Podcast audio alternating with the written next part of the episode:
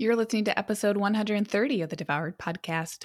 Welcome to Devoured, the podcast for women like you who have tried restrictive diet after diet and are ready for simple solutions and resources to help you lose weight for the last time from a place of abundance and peace. If you're looking to end the yo yo of comfort eating and rigid weight loss protocols and instead step into living your life on your terms while losing weight in the process, you're in the right place. Hey everyone, welcome to the show. I've got a quick episode for you on the basics of insulin resistance today, and I think you're all really going to like this episode. It's one of those tangibles of health. So, before I get into that, I thought I would just say hi, hello. Nothing too interesting is going on in my personal life. I try to give you updates, but y'all, I've just been kicking it.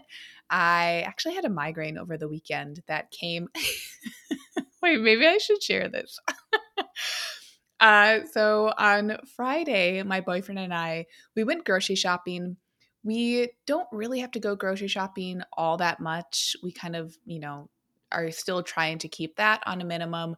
Uh, we use imperfect produce, which has more than just produce these days. It's like a, you know, a, a food um, delivery box that we can like totally customize. So we use that actually quite a bit each week and we tend to keep food options pretty simple but we realized on Friday that we needed to go to the grocery store and do kind of like a pantry shop. Like just get the things that make the fruits and vegetables and proteins a little more fun, you know, like the random shit. So we went to the grocery store and uh on a Friday evening. It was really quiet. We hadn't done that since like holiday time. So it was just such a stark difference between it being a really, really packed grocery store versus really quiet. Um, and in the pandemic, that matters a lot. So we both felt really, really comfortable there. And it was super fun. And that's totally how I roll. Anyway, we were going aisle to aisle and I saw this can of you won't guess it. Maybe you will. Could you? I never would have guessed it. I saw this can of tamales. and I was like, wait a second. I know about frozen tamales. I know about fresh tamales. I know about tamales. And I have not known about canned tamales. And I looked at the ingredient list and it was like pretty decent. I'm I am pretty sensitive to preservatives and so like some of those added ingredients that like increase longevity, whatever. But I was like, these are canned, they're actually pretty pure, and I am fascinated by the concept of a canned tamale. I think it makes total sense because for me, I don't want a dry tamale. And when I microwave them, even if I microwave them with like a paper towel over them, they always dry out. And I don't tend to get fresh tamales. I just don't or like the ones I do, whatever. Anyway, I was just like, Cantamales are rocking my brain right now. Let's try them. And they were delicious, but I actually think that maybe there was just enough preservatives in them that I had a migraine the next day. But let me tell you, the idea of always having tamales on hand in the pantry, not even in the freezer, freezer space can be a little precious. I loved it. That was legit. so fun for me. Anyway, so I think I paid the price of that exploration by getting a bit of a migraine the next day and kind of through the weekend, but it was still a really chill, relaxing weekend. We took all of our Christmas stuff down. So now the house both feels very plain, but it's also very visually soothing because there's just, it's all in its place. And I love that. So if you've been liking this show, I'm going to ask that you would go to your Apple Podcast app, take one to two minutes, and leave me a review. It's a super fast process and it offers a lot of social support for me as a creator of this podcast.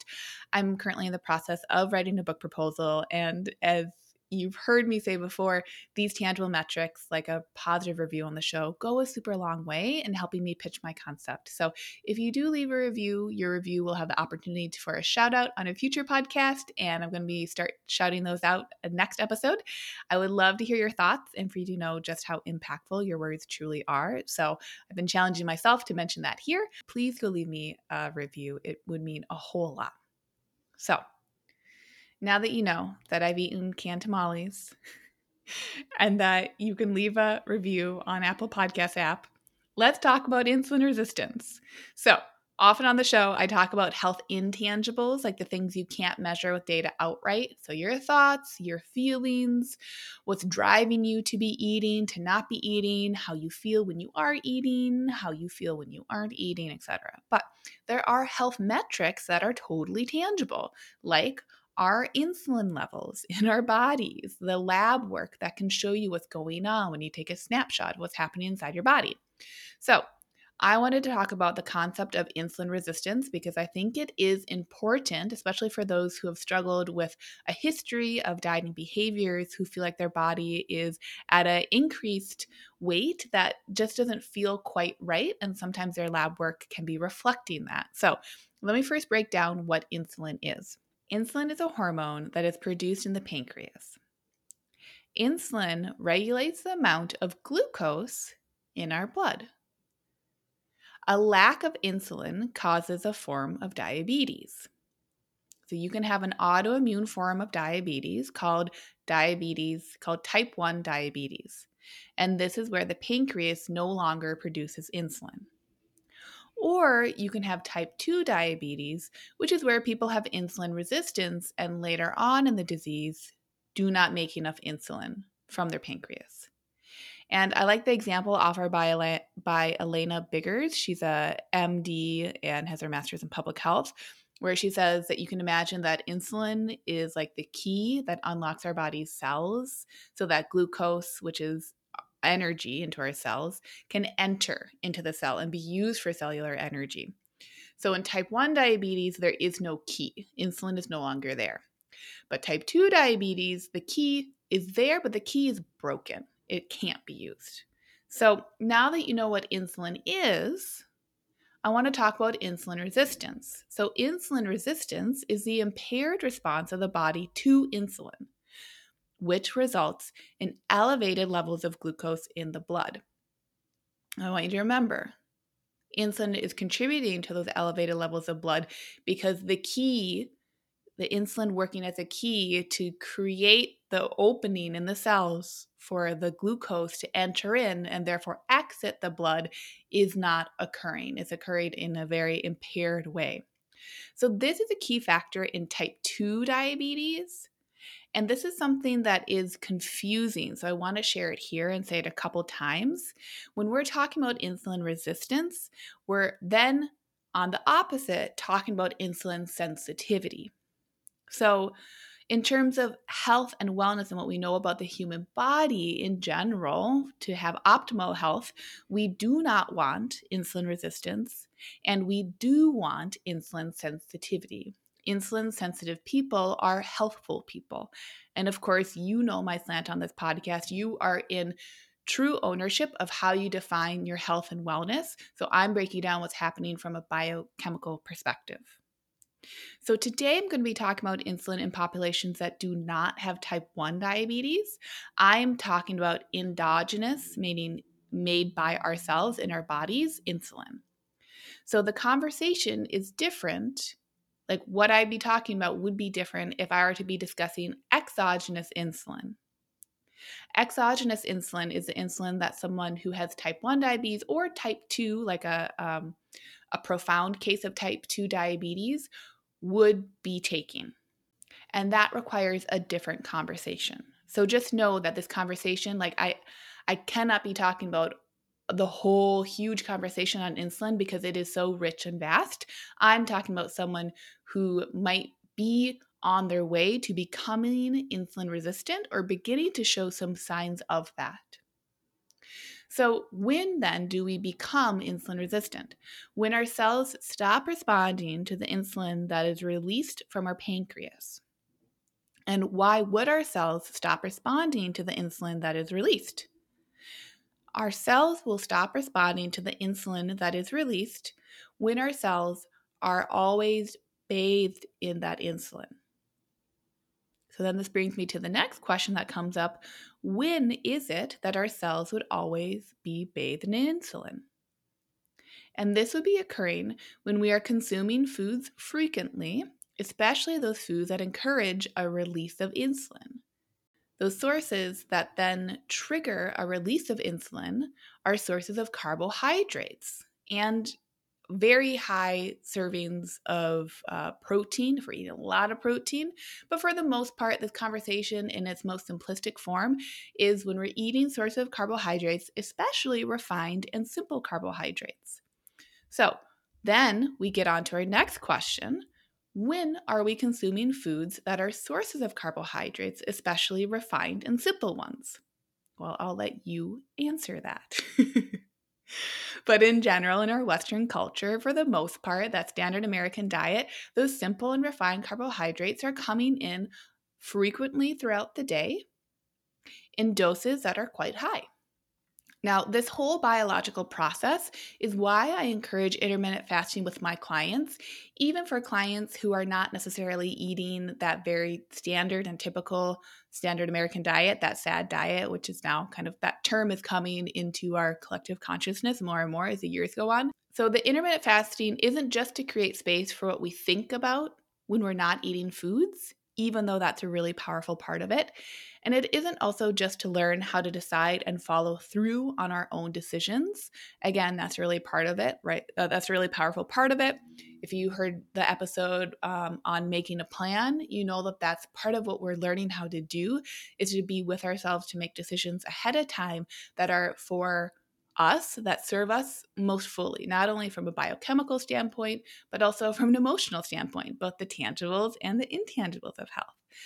But intermittent fasting is also to leverage our body's ability to gain and regain insulin sensitivity so that not only are we teaching our bodies how to lose weight daily, meaning tapping into burning body fat stores and regaining insulin sensitivity, because remember, if you aren't sensitive to insulin, you're going to have a really hard time feeling full, using energy from your food naturally and effortlessly, and burning body fat stores when food is no longer there. So, for women in my program that show signs of insulin resistance, and I'll tell you what some of those signs are in just a few minutes, with the approval of their licensed medical practitioners, I encourage them to try out and less frequently. This is not a every single day thing. This is maybe once, maybe twice a week. A longer fast, a 24 to 36 hour fast, so their body can have time away from food to lower insulin levels and therefore regain insulin sensitivity. It's a really beautiful process. So, let me tell you some of those signs of insulin resistance these often come back from lab testing. Again, a really great way to be supporting you to be in conversation with your licensed medical practitioner. So, some of those specifics might be a fasting glucose level of 100 milligrams per deciliter or more, a fasting triglyceride level of 100 milli- 150 milligrams per deciliter or more, the occurrence and reoccurrence of skin tags or patches of dark, almost velvety skin, often can be kind of around um, the back of the neck or the front of the neck, even. It's, I think that's a common area that you can see that, as well as a waistline of over 35 inches in women. Again, we're talking about norms and generalities here, but in general, a waistline over 35 inches in women. And also blood pressure readings of 130 over 80 or higher in women. It's a little different in men.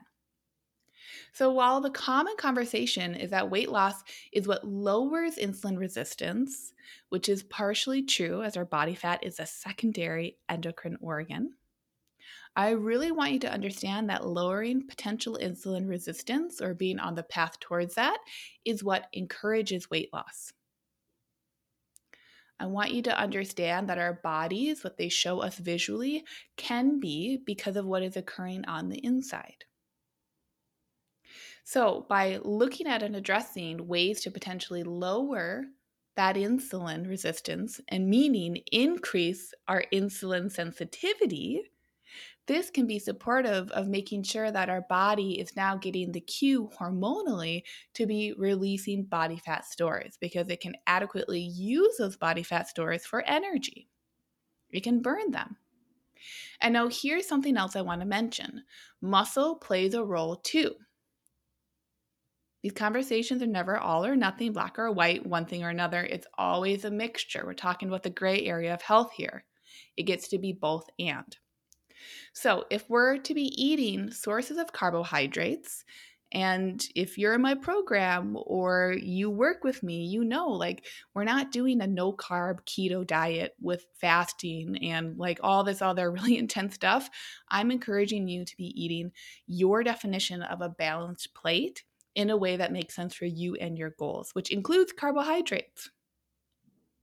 So, if we're to be eating sources of carbohydrates, it would then make sense that more places for the carbohydrates to go, meaning more muscle mass that needs to be fed, would support insulin sensitivity. It's like buying a bigger fridge and having more places to store the food you just bought from your grocery store run. That's super cool. So, in one study, researchers looked at data from the National Health and Nutrition Examination Survey number three. And the survey covered over 13,000 adults who were not pregnant and not underweight.